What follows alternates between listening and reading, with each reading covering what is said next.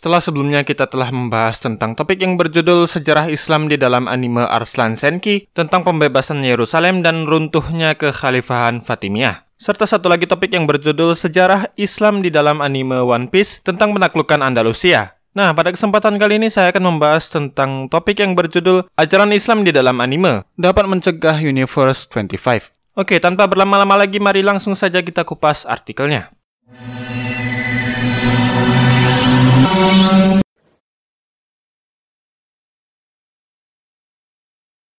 Ya, sesuai judul di atas, kita hari ini akan membahas tentang beberapa judul anime yang mempertontonkan kebiadaban manusia yang bisa dikatakan sangat mirip dengan apa yang terjadi di dalam Universe 25. Apa sih sebenarnya Universe 25 itu?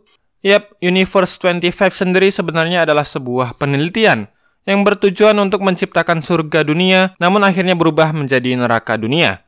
Ya, penelitian ini seolah mengingatkan kita dengan beberapa judul anime seperti misalnya anime berjudul Attack on Titan dan juga anime berjudul Fate Zero. Di mana di dalam anime-anime tersebut terdapat adegan-adegan yang sangat relevan dengan penelitian ini. Selain itu, dari adegan tersebut juga kita bisa belajar bahwa betapa pentingnya ajaran Islam bagi kelangsungan kehidupan umat manusia. Oke, pertama-tama mari kita mulai terlebih dahulu dengan sebuah pengenalan. Apa sih sebenarnya penelitian Universe 25 itu? Ya, penelitian ini adalah sebuah penelitian ilmiah terhadap perilaku kelompok hewan yang dalam hal ini adalah tikus pada tahun 1972 yang dilakukan oleh peneliti hewan bernama John Calhoun.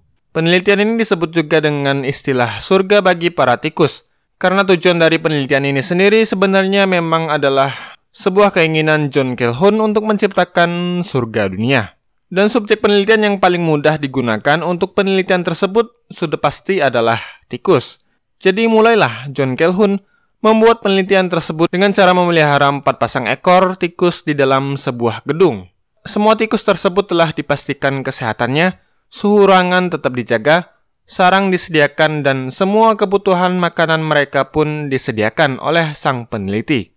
Pada mulanya penelitian berjalan lancar dan semua tikus yang ada sangat menikmati surga mereka tersebut.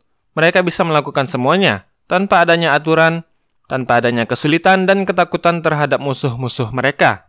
Karena semua kebutuhan, tempat tinggal, dan makanan pun sudah terpenuhi. So, karena itulah, satu-satunya kegiatan yang bisa para tikus ini lakukan adalah memperbanyak keturunan alias kawin. Alhasil, populasi tikus di dalam gedung itu pun meningkat drastis. Namun hingga tahap ini, semua itu tidaklah masalah. Karena makanan dan keamanan mereka pun tetap dijamin oleh John Calhoun tanpa adanya kekurangan sedikit pun. Yang jadi permasalahan hanyalah terdapat pada kapasitas gedung tersebut yang semakin sesak penuh karena banyaknya populasi tikus.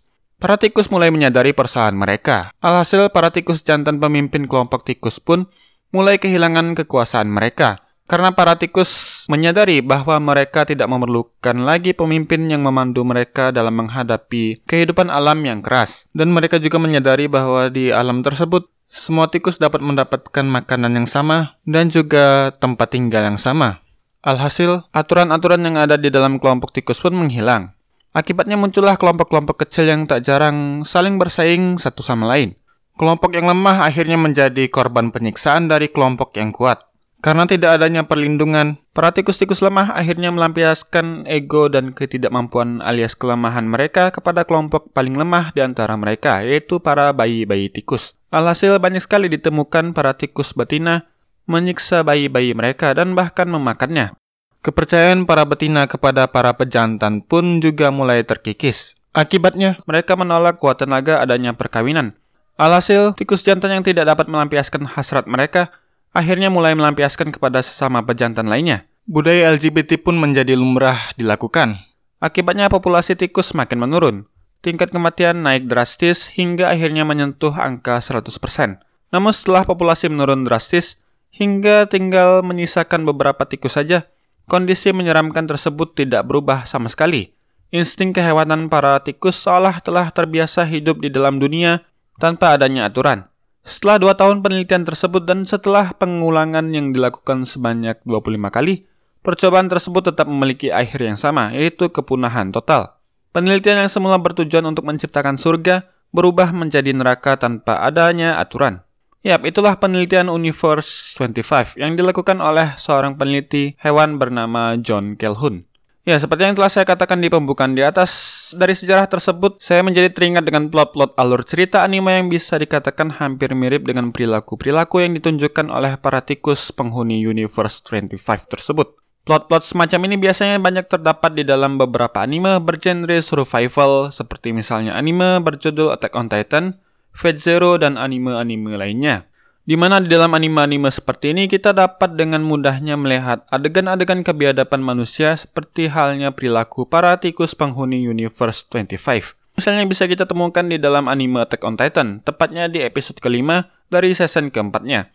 Diceritakan bahwa kaum Eldia sebenarnya adalah kaum penguasa, di mana dalam sejarahnya mereka pernah berhasil menaklukkan negara Marley dan menjadikannya sebagai negara jajahan mereka. Hal tersebut sudah pasti karena mereka memiliki kekuatan dan kemampuan berubah menjadi Titan pembunuh, yang dengannya menjadikan mereka menjadi negara adidaya dan tidak ada satupun musuh yang bisa mengalahkannya. Alhasil, karena tidak adanya kekhawatiran mereka terhadap musuh, karena tak ada satupun negara yang mampu menantang dan memerangi mereka, Ditambah juga dengan kehidupan negara mereka yang makmur dan sentosa, membuat mereka menjadi kehilangan tujuan hidup. Karena itulah mereka mulai membuat musuh-musuh mereka sendiri, dan terjadilah perang saudara Eldia yang terjadi selama beberapa tahun. Dan seperti yang kita ketahui, akhirnya konflik ini diselesaikan dengan cara yang bisa dibilang cukup ekstrim, yaitu dengan cara mencuci otak semua kaum Eldia dan mengurung mereka di sebuah pulau terpencil yang dikelilingi tiga lapis tembok besar. Setelah dikurung di dalam tembok tersebut, mereka pun harus menghadapi berbagai tragedi yang cukup menyayat hati. Ya, jika di dalam anime Attack on Titan kita hanya bisa menyimak tentang cerita adanya perang saudara Eldia dari beberapa cerita flashback yang diceritakan oleh beberapa karakter di dalam serial ini dengan disertai beberapa potongan gambar pendukung, berbeda halnya seperti apa yang ditunjukkan di dalam serial anime Fate Series. Di dalam Fate Series, Tepatnya di dalam judul prequel dari serial ini yaitu yang berjudul Fate Zero, kita bisa melihat dengan jelas kebiadaban manusia yang tidak mengenal lagi yang namanya aturan, moral dan adab etika, seperti halnya para tikus-tikus penghuni Universe 25. Di mana di dalam anime ini kita seolah diperlihatkan bagaimana jika manusia telah kehilangan sifat kemanusiaannya dan rela menghalalkan segala cara agar bisa mendapatkan sebuah benda yang mereka anggap sebagai benda yang bisa mengabulkan segala permintaan. Sebagai contoh bisa kita temukan di season kedua dari anime Fate Zero, tepatnya di episode ketiga. Di dalam pembukaan dari anime ini saja kita sudah diperlihatkan sebuah adegan pembunuhan yang dilakukan oleh Kenneth L. Malloy Archibald, yang merupakan seorang master dari Lancer. Ia melakukan pembunuhan terhadap pendeta yang sebenarnya baru saja memberikan dirinya hadiah mantra perintah. Dan di adegan selanjutnya, akhirnya Kenneth juga dibunuh oleh sang karakter utama yang bernama Kiritsugu. Padahal di dalam alur cerita ini, mereka berdua sebelumnya telah menandatangani perjanjian tidak saling membunuh satu sama lain sebagai syarat pemusnahan servant milik Kenneth, yaitu Lancer. Selain di episode ketiga, kita juga dapat melihat hal-hal biadab lainnya di episode ke-8 dari anime ini, di mana diceritakan salah satu karakter yang juga berprofesi sebagai pendeta, yaitu yang bernama Kotomine Kirei, diceritakan memanfaatkan karya Mato dan memasukkannya ke dalam sebuah situasi di mana ia menjadi tersudut ke dalam kesalahpahaman bahwa ia telah membunuh suami dari teman masa kecilnya yang bernama Aoi Tosaka, yang juga merupakan ibu dari Rin dan Sakura. Padahal yang membunuh orang tersebut adalah Kirei sendiri. Sedangkan Karya justru ingin menyelamatkan teman masa kecilnya beserta anak-anaknya tersebut dari kekejaman suaminya. Karena usahanya seolah tak dianggap, Karya yang kesal pun berusaha membunuh Aoi dengan cara mencekiknya. Sedangkan Kirei dengan tenang menonton dan menikmati momen tersebut dari lantai atas gereja sambil meneguk segelas anggur.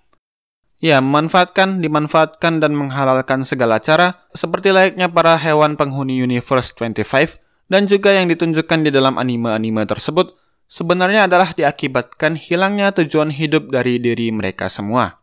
Inilah sebenarnya alasan mengapa Islam benar-benar penting dan bisa selalu menjadi solusi paling penting bagi umat manusia. Bayangkan saja, andaikan para karakter-karakter di dalam anime Fate Zero tersebut semuanya merupakan penganut Islam yang taat, maka semua tragedi di dalam anime tersebut tidak akan pernah terjadi. Mengapa? Karena di dalam ajaran dan hukum Islam dikatakan bahwa membunuh satu individu yang bukan karena jika ia telah melakukan dosa besar dan juga ia membunuh bukan karena sedang membela diri dari serangan fisik, maka sama saja ia telah membunuh semua umat manusia. Seperti yang dikatakan di dalam Al-Quran surat Al-Maidah ayat 32 yang berbunyi, Oleh karena itu, kami tetapkan suatu hukum bagi Bani Israel bahwa barang siapa yang membunuh seseorang manusia, bukan karena orang itu membunuh orang lain atau bukan karena membuat kerusakan di muka bumi, maka seakan-akan ia telah membunuh manusia seluruhnya. Dan barang siapa yang memelihara kehidupan seorang manusia, maka seolah-olah dia telah memelihara kehidupan manusia semuanya. Dan sesungguhnya telah datang kepada mereka rasul-rasul kami dengan membawa keterangan-keterangan yang jelas. Kemudian banyak di antara mereka sesudah itu sungguh-sungguh melampaui batas dalam berbuat kerusakan di muka bumi.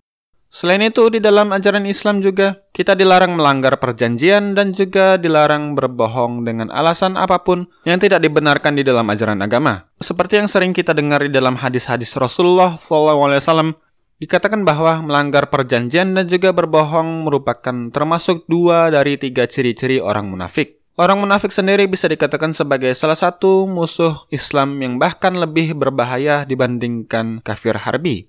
Dan seperti yang telah saya katakan di atas, alasan kenapa para tikus dan para karakter di dalam anime-anime tersebut bisa berbuat barbar dan kehilangan sisi keberadaban mereka adalah dikarenakan hilangnya tujuan hidup dari diri mereka. Dan kabar baiknya adalah hanya Islam satu-satunya yang bisa menjelaskan dengan pasti apa sebenarnya tujuan dari penciptaan umat manusia di dunia?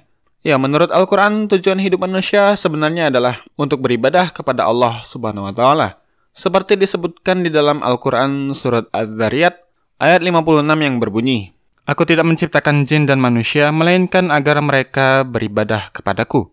Selain itu, di dalam ajaran Islam juga dikatakan bahwa semua perbuatan kita di dunia ini akan dipertanggungjawabkan di akhirat kelak dan tidak ada satupun perbuatan yang tidak akan dipertanggungjawabkan. Dan Allah adalah hakim dari segala hakim, dan Allah adalah sebaik-baik pengadil yang ada di alam semesta. So, jadi kesimpulannya adalah hanya Islam satu-satunya solusi bagi peradaban manusia.